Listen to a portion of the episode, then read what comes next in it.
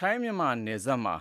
လက်နက်တွေ ဖမ်းမိတယ်လို့ ဆိုပါတယ်။ထိုင်း လာအိုနဲ့ မြန်မာနိုင်ငံတွေကို နယ်စပ်ဖြတ်ကျော်ပြီး လက်နက်ပို့ဆောင်ရောင်းချနေတဲ့ မှောင်ခိုဂိုဏ်းတွေကို နှိမ်နင်းနေတဲ့ ရဲတပ်ဖွဲ့ကနေ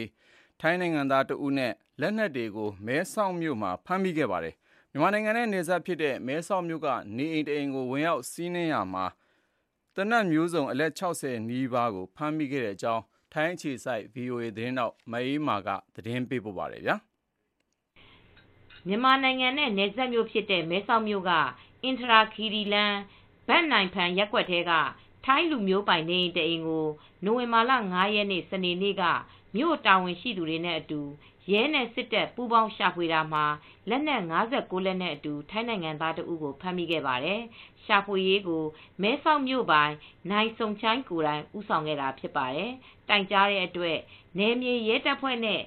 ထိုင်းစစ်တပ် ပူးပေါင်းအဖွဲ့တွေက ဝင်ရောက်ရှာဖွေခဲ့ကြတာပါ။ ဖမ်းမိတဲ့သေနတ်တွေဟာ တရားဝင်လိုင်စင်ရှိတဲ့ သေနတ်တွေဖြစ်တယ်လို့ ပိုင်ရှင်ဖြစ်တဲ့ ထိုင်းနိုင်ငံသားက ထွက်ဆိုခဲ့ပေမဲ့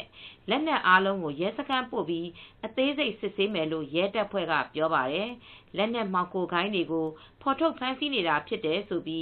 ထိုင်းရဲချုပ် Torsak Sukwimol ကသတင်းထောက်တွေကို ထိုင်းဘာသာနဲ့ အခုလိုပြောသွားပါတယ်။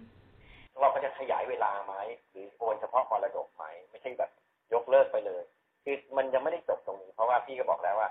เราเรายังไม่ได้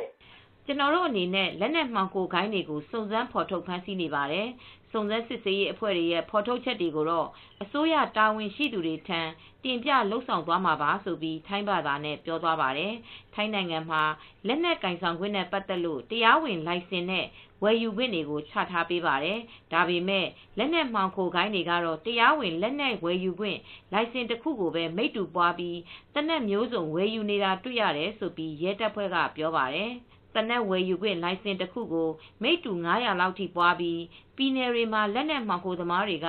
လက်နက်တွေ ဝယ်ယူနေတယ်လို့လည်း ရဲတပ်ဖွဲ့ရဲ့ ထုတ်ပြန်ချက်တွေမှာ ဖော်ပြပါတယ်။ဒီလက်နက်မှောင်ခိုဂိုဏ်းတွေဟာ ထိုင်းမြန်မာနယ်စပ်မြို့တွေဖြစ်တဲ့ မဲဆောက်မြို့နဲ့ မယ်ဆိုင်မြို့တွေကနေတဆင့် မြန်မာပြည်ဘက်ကို ရောင်းချနေတာတွေကိုလည်း စစ်ဆေးတွေ့နေရတယ်လို့ ထိုင်းအာဏာပိုင်တွေကို ကိုးကားပြီး ထိုင်းသတင်းတွေမှာ ဖော်ပြကြပါတယ်။ထိုင်းမြန်မာနယ်စပ် မဲဆောက်မြို့မှာတော့ လက်နက်မှောင်ခိုသမားတွေဆီက